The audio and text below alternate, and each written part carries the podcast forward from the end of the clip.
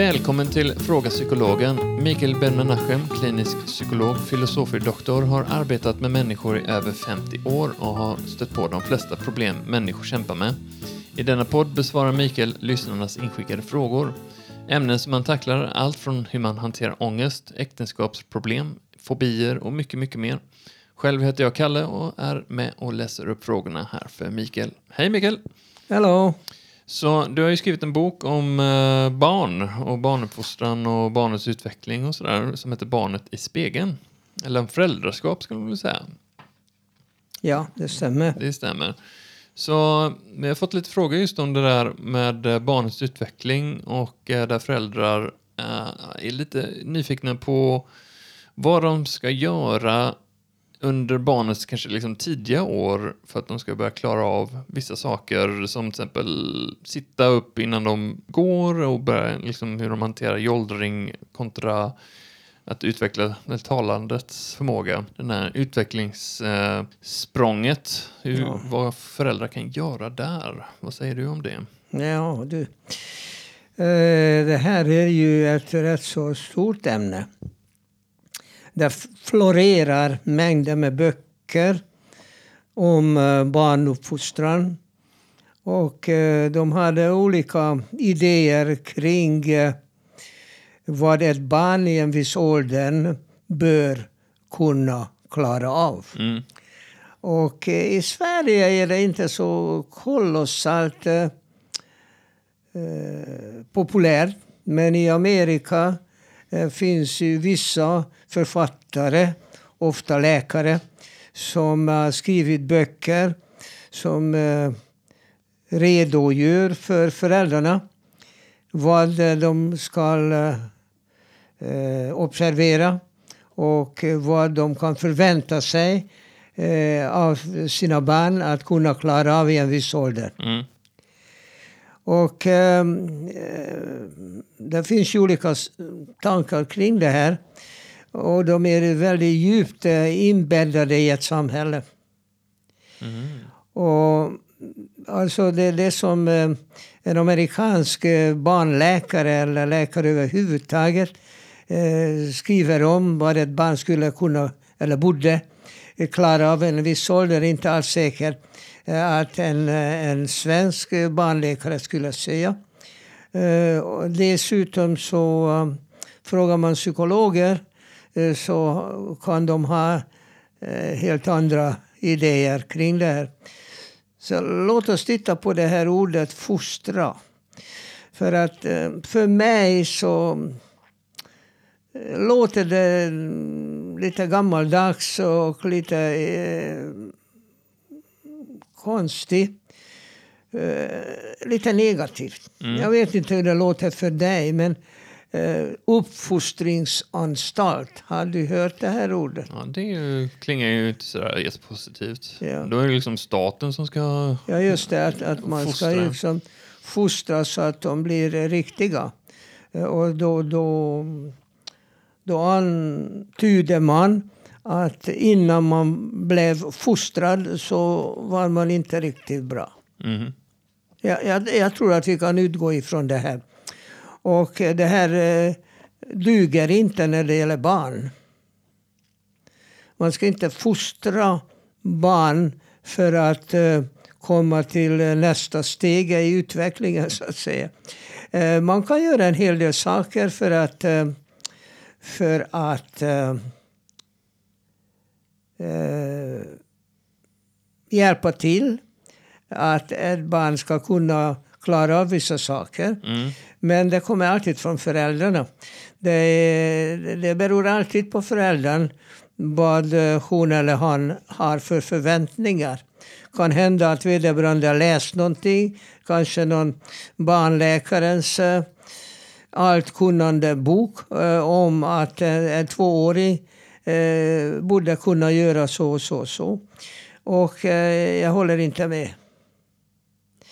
Eh, Det är klart att eh, när ett barn kommer till världen, eh, det, det här barnet är, ju ett under överhuvudtaget.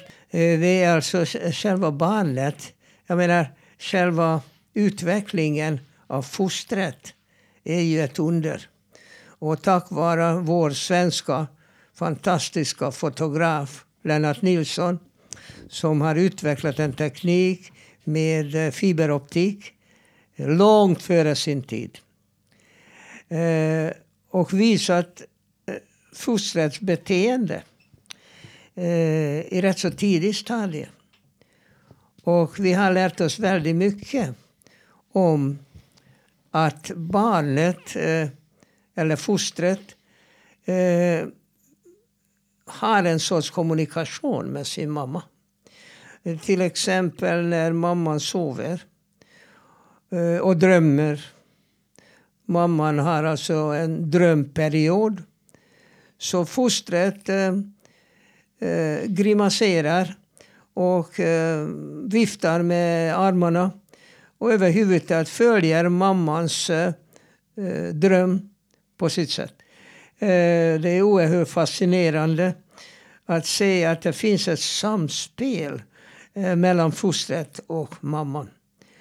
Och eh, överhuvudtaget vilken miljö modern befinner sig hennes hälsotillstånd, hennes psykiska välbefinnande speglas av fostret.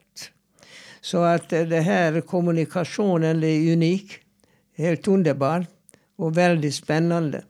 Så att eh, vi kan väl säga så att, att när eh, ett barn kommer eh, ut till världen Eh, det här är ju en, ett, ett chocktillstånd. Eh, barnet, fostret, har varit mycket bekvämt, antar vi, i mammas mage. Och eh, om det var en lugn och behaglig miljö. För att fostret reagerar på höga ljud också. Och när mamman var ledsen eller irriterad eller arg, fostret känner av det. Mm. Och om, om liksom negativa eh, situationer förekommer alldeles för ofta. Eh, så påverkade barnet, fostret, eh, inte bara för den stunden. Utan eh, förmodligen så finns någonting kodat av, av mammas miljö och hur hon mår finns redan kodad hos barnet när hon kommer till världen. Mm. Och dessutom så har vi pratat om det tidigare. Det är enormt viktigt eh, redan de första minuterna och första timmarna vad som händer kring barnet. Jag föreställer dig att, att eh, du kastas in i en fullständigt annorlunda situation. Eh, det är svårt för oss att föreställa oss att vi har legat nio månader i mammas mage. I princip samma temperatur, samma belysning. Alltså väldigt lite. Mm. Uh, uh, inga problem när det gäller uh, mattillförsel. det är ungefär som astronautmat. och um, det, det, det, kommer automatiskt.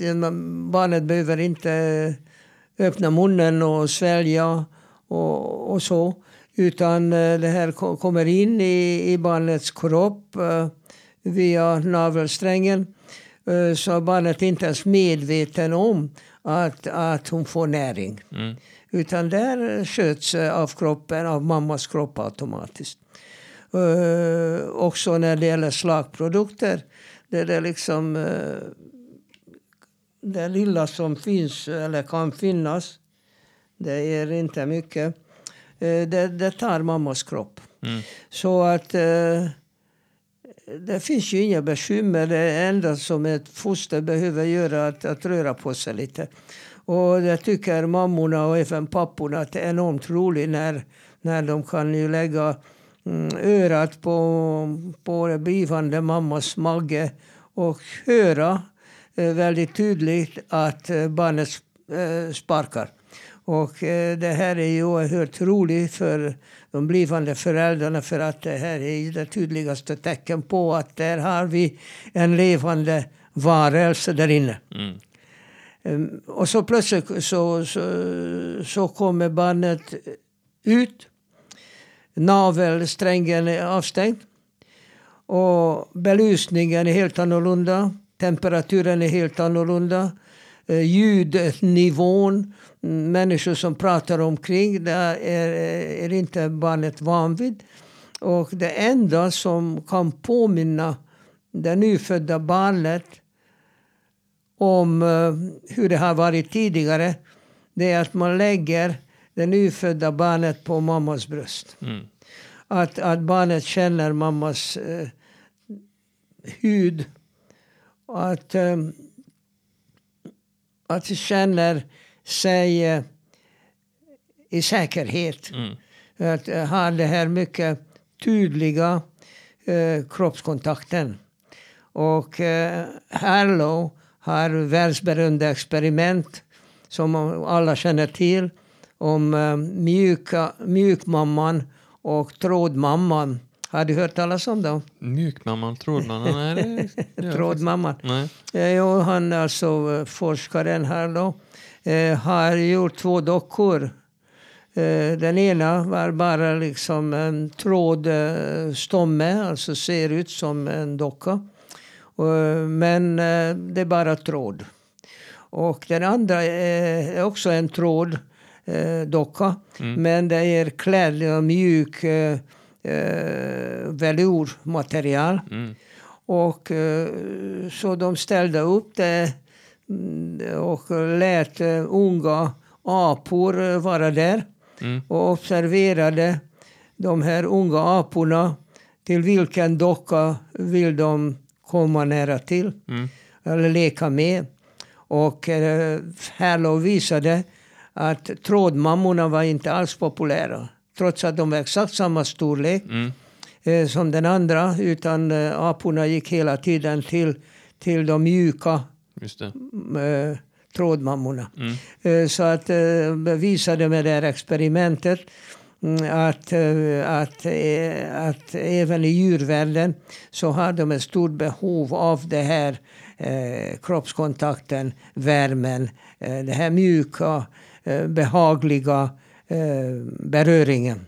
Alltså, vad jag också läste att, var att de som, de som utsatts för de här experimenten, de, de som in, aldrig fick beröring, de dog ju till slut. Ja, alltså, jag har inte hängt med de nyaste forskningen, jag måste erkänna. Men eh, just i Göteborg så fanns en omfattande forskning i Mölndal, Mölndals, på Mölndals sjukhus eh, just om detta. Mm.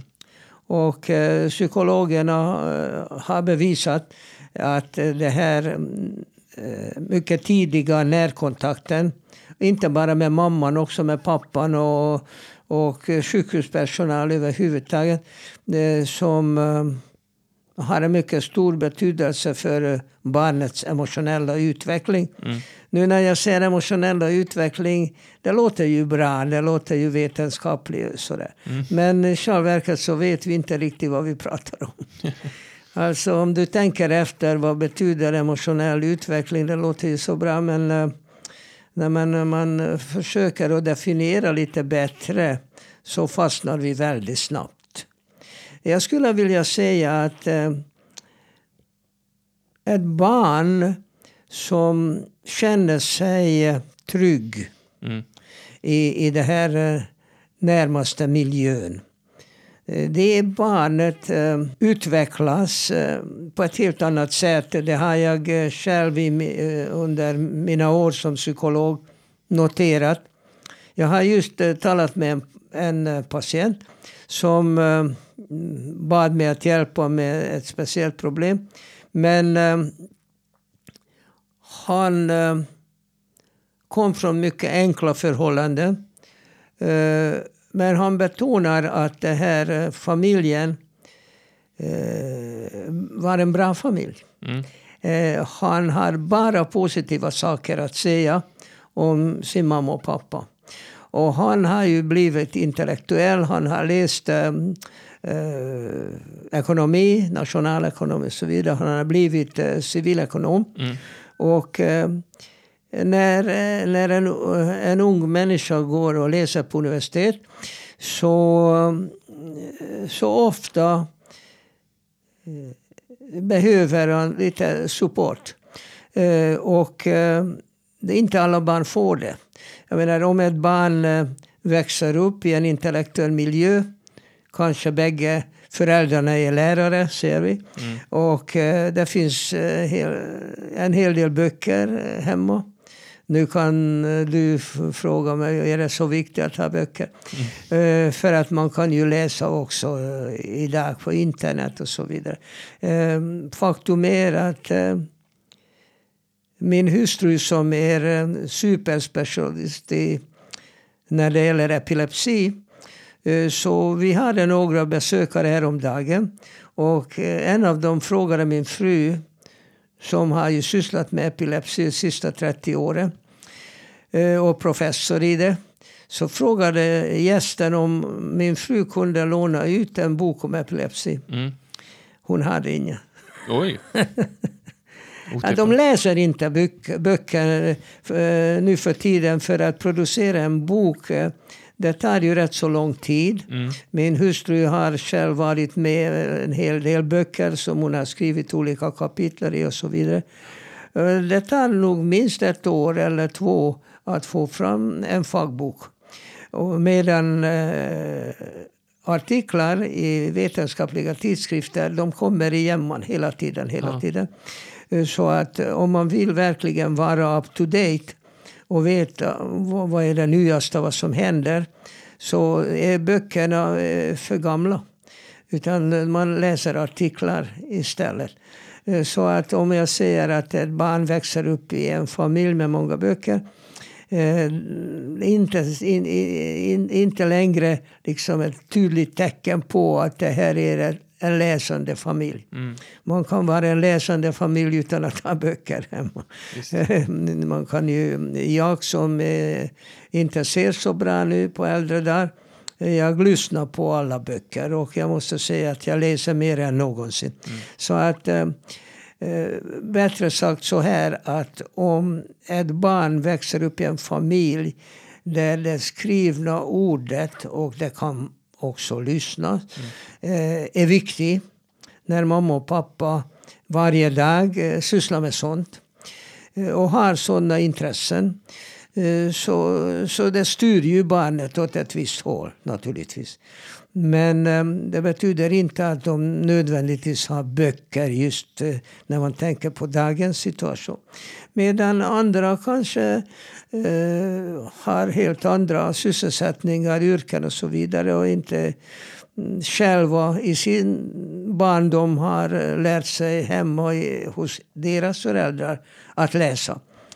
Eh, ändå, ändå, om barnet får intellektuella intressen genom duktiga lärare i skolan, kompisar, eh, just eh, via internet och eh, mycket annat och bestämmer sig för att vill läsa vidare efter grundskolan och efter gymnasiet. Då kan kanske inte föräldrarna hjälpa till när det gäller mm, detaljer. Eh, jag som aldrig varit så våldsamt duktig i matte eh, skulle nog inte kunna och inte kunnat hjälpa mina barn så mycket när det gällde matematik. Men å andra sidan ett barn är inte så beroende av hur mycket föräldrarna kan om matematik eller om eh, valarnas eh, sexualliv. Utan det är viktigt att barnet känner att föräldrarna är intresserade. Mm. Att, de, att de vill hennes bästa. Att man kan alltid gå till dem vad den händer även om de inte kan ge exakta eh, råd eller informationer om en, en viss eh, grej som de håller på med i skolan. Jag var tvungen att eh, söka upp definitionen av eh, fostra för att eh, just i början, i början av programmet här vi sa att det liksom har negativ klang. Men en negativ en, klang, ja. ja. men det är ändå definitionen är så här, främja, utveckla, stödja befordra. Då. Men det är ändå rätt positiva det, grejer. Det låter bättre. Vad du säger nu låter mycket bättre. Ja, och jag främja, tänker, jättebra Främja och utveckla. Mm. Och det jag tänker det är ju... Alltså barnen kommer ju utvecklas och, och sådär. Och, och eh, oavsett om föräldrarna vill eller inte. För det är väl nästan... Ah, eh, nej, men jag, det- tänker, jag tänker att eh, barnen rent på liksom, instinktivt tar ju föräldrarna som... De speglar ju dem med en gång. De gör ju det utan att tänka. Ja, ja, det, det är vad jag har skrivit en hel bok om. Ja, ja. Men, Men, eh, det är just att eh, de kommer ju spegla föräldrarna och föräldrarna. Jag, jag känner att jag hade noll koll när jag var, blev förälder själv. Det fick jag lära mig under tiden jag var förälder. Att, eh, att de gör inte vad, vad man säger utan de gör vad, vad man gör själv. Och att eh, det var någon som sa det att eh, barn, eh, kom ihåg att eh, ni ser era föräldrar när de fostrar sig själva genom att vara föräldrar till dig. Och det är så har jag Ja, känt. det är så.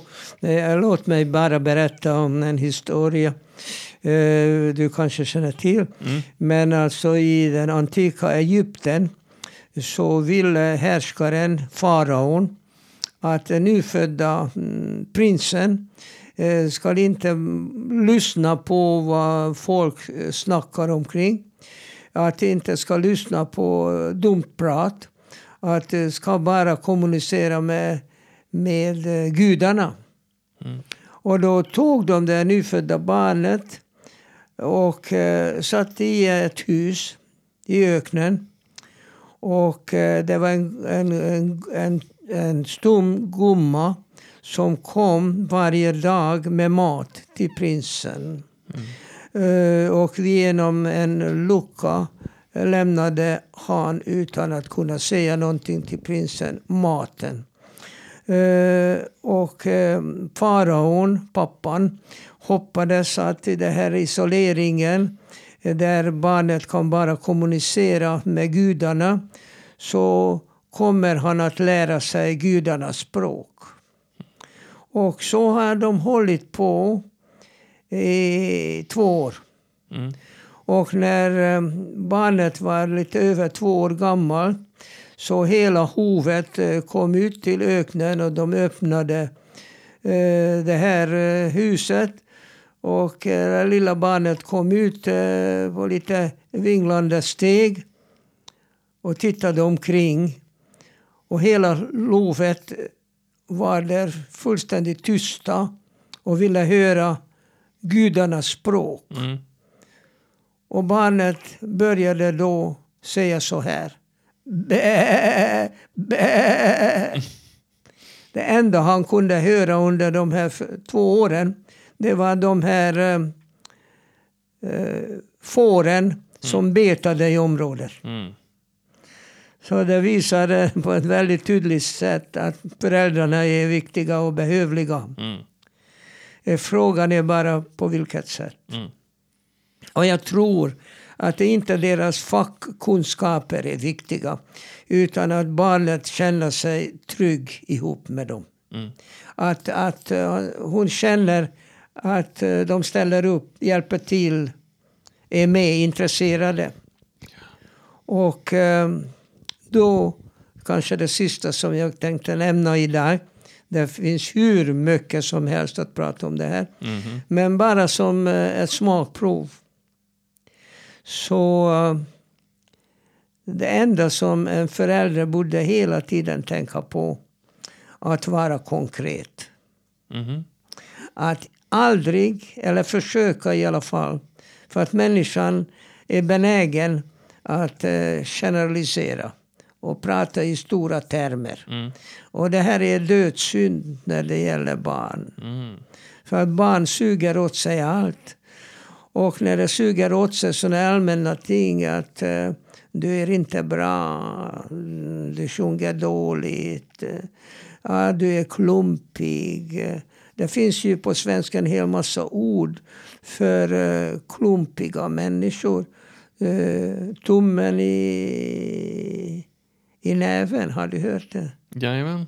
Ja, Opraktisk. och ja, opraktiskt, man, man, man inte kan eh, slå i en, en spik och, och sådär. Och det räcker om föräldrarna liksom gör, yttrar sig sådana här allmänna ting. Barnet har det för sig att han inte klarar av eh, något praktiskt. Och det här är, kan eh, vara mycket handikappande. Men det brukar, du brukar ta upp det, att man, eh, det kan vara förödande hur föräldrarna eh, liksom bemöter sina barns eh, tillkortakommande och sådär.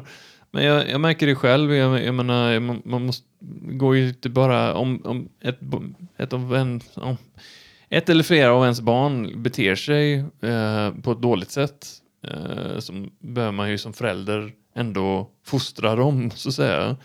Jag har ett barn som, ett av mina barn är väldigt, eh, kan bete sig väldigt, eh, eh, vad ska man säga, eh, de är lite lat, eller sådär liksom, eh, bara säger, kan du göra det, eller Det- det- gör, det- kan du hjälpa mig med det? det? finns inte något sånt. Man kan ju vara lat i ett ögonblick och väldigt pigg och, och intresserad i nästa. Så, men om du yttrar dig på det sättet att eh, typiskt du är så lat.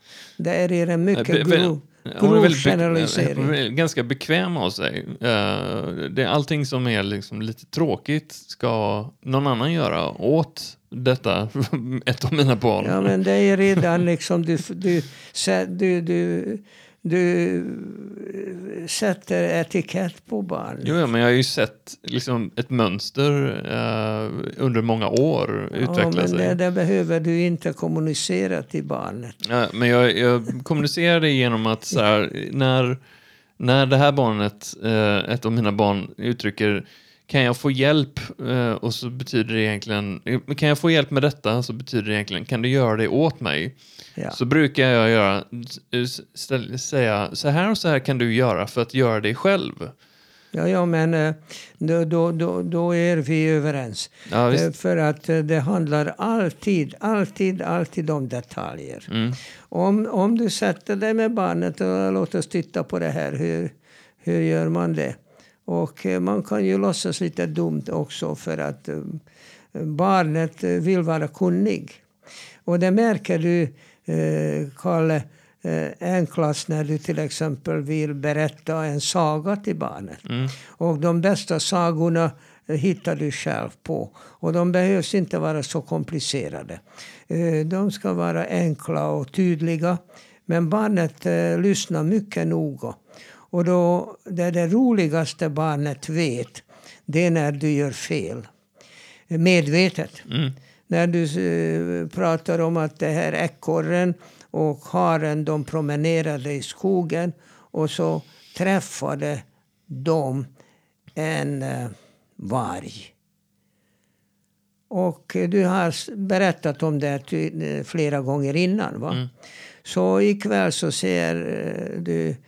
Du vet att, ehm, att ekorren som heter Kalle, han promenerade i skogen tillsammans med Harald, haren. Och de träffade en elefant. Nej, nej, nej, nej, nej säger barnet. Det är inte en elefant, det är en varg. Mm. De, de hänger med hela tiden.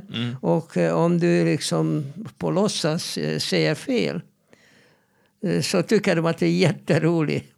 För att, varför? För att de märker inte det att du skojar med dem. Mm. Utan de tror att det är de som kan det här. Mm. Alltså nu, du hjälpte dem att vara kunniga. Mm. Ja. Du hjälpte dem att de kan det här berättelsen. Och att det inte var någon elefant där. Men när du säger det här så tycker de att det, det är så roligt att pappa som är så stor och allvetande inte kan det här att det var en varg. Just det. Ja, man bjuder på det. Mm. Helt enkelt. Så att eh, alltid bäst när det gäller barn och föräldrar att tala om saker som är tydliga. När ett barn kommer hem från dagiset eller från skolan så ska du inte fråga dem hur var det? Ja, hur ska man svara på en så dum fråga? Hur var det? Ja, det var bra. Det var som vanligt. Och så har ni ingen kommunikation. Men jag lovar dig, Kalle, att de flesta föräldrar inte vet vad fröken heter. Mm. Inte i dagiset, inte i, i grundskolan, inte i början. Och när de inte vet och barnet märker att du inte vet, då är väl ingenting att snacka med dig om. Mm.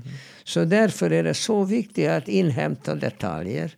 Att du vet vad, eh, att fröken är yngre eller äldre. Att eh, om hon eh, brukar berätta om, om vad och hur och så vidare. När du kan detaljer. Och när du kan fråga hur gick det på matteprovet idag? Fick ni fram det här? Och så fick räkna det här. Och vad tyckte Anders, alltså mattelärare? Då barnet tänker ja, pappa vet vad vår mattelärare heter och vet att vi höll på med ekvationer. Ja, då, då, då, då kan jag prata med honom. Han vet vad det hela handlar om. Och då, då behöver vi inte eh, hålla på med såna här allmängods, allt bra sådär. Ja. Eh, överhuvudtaget generaliseringar.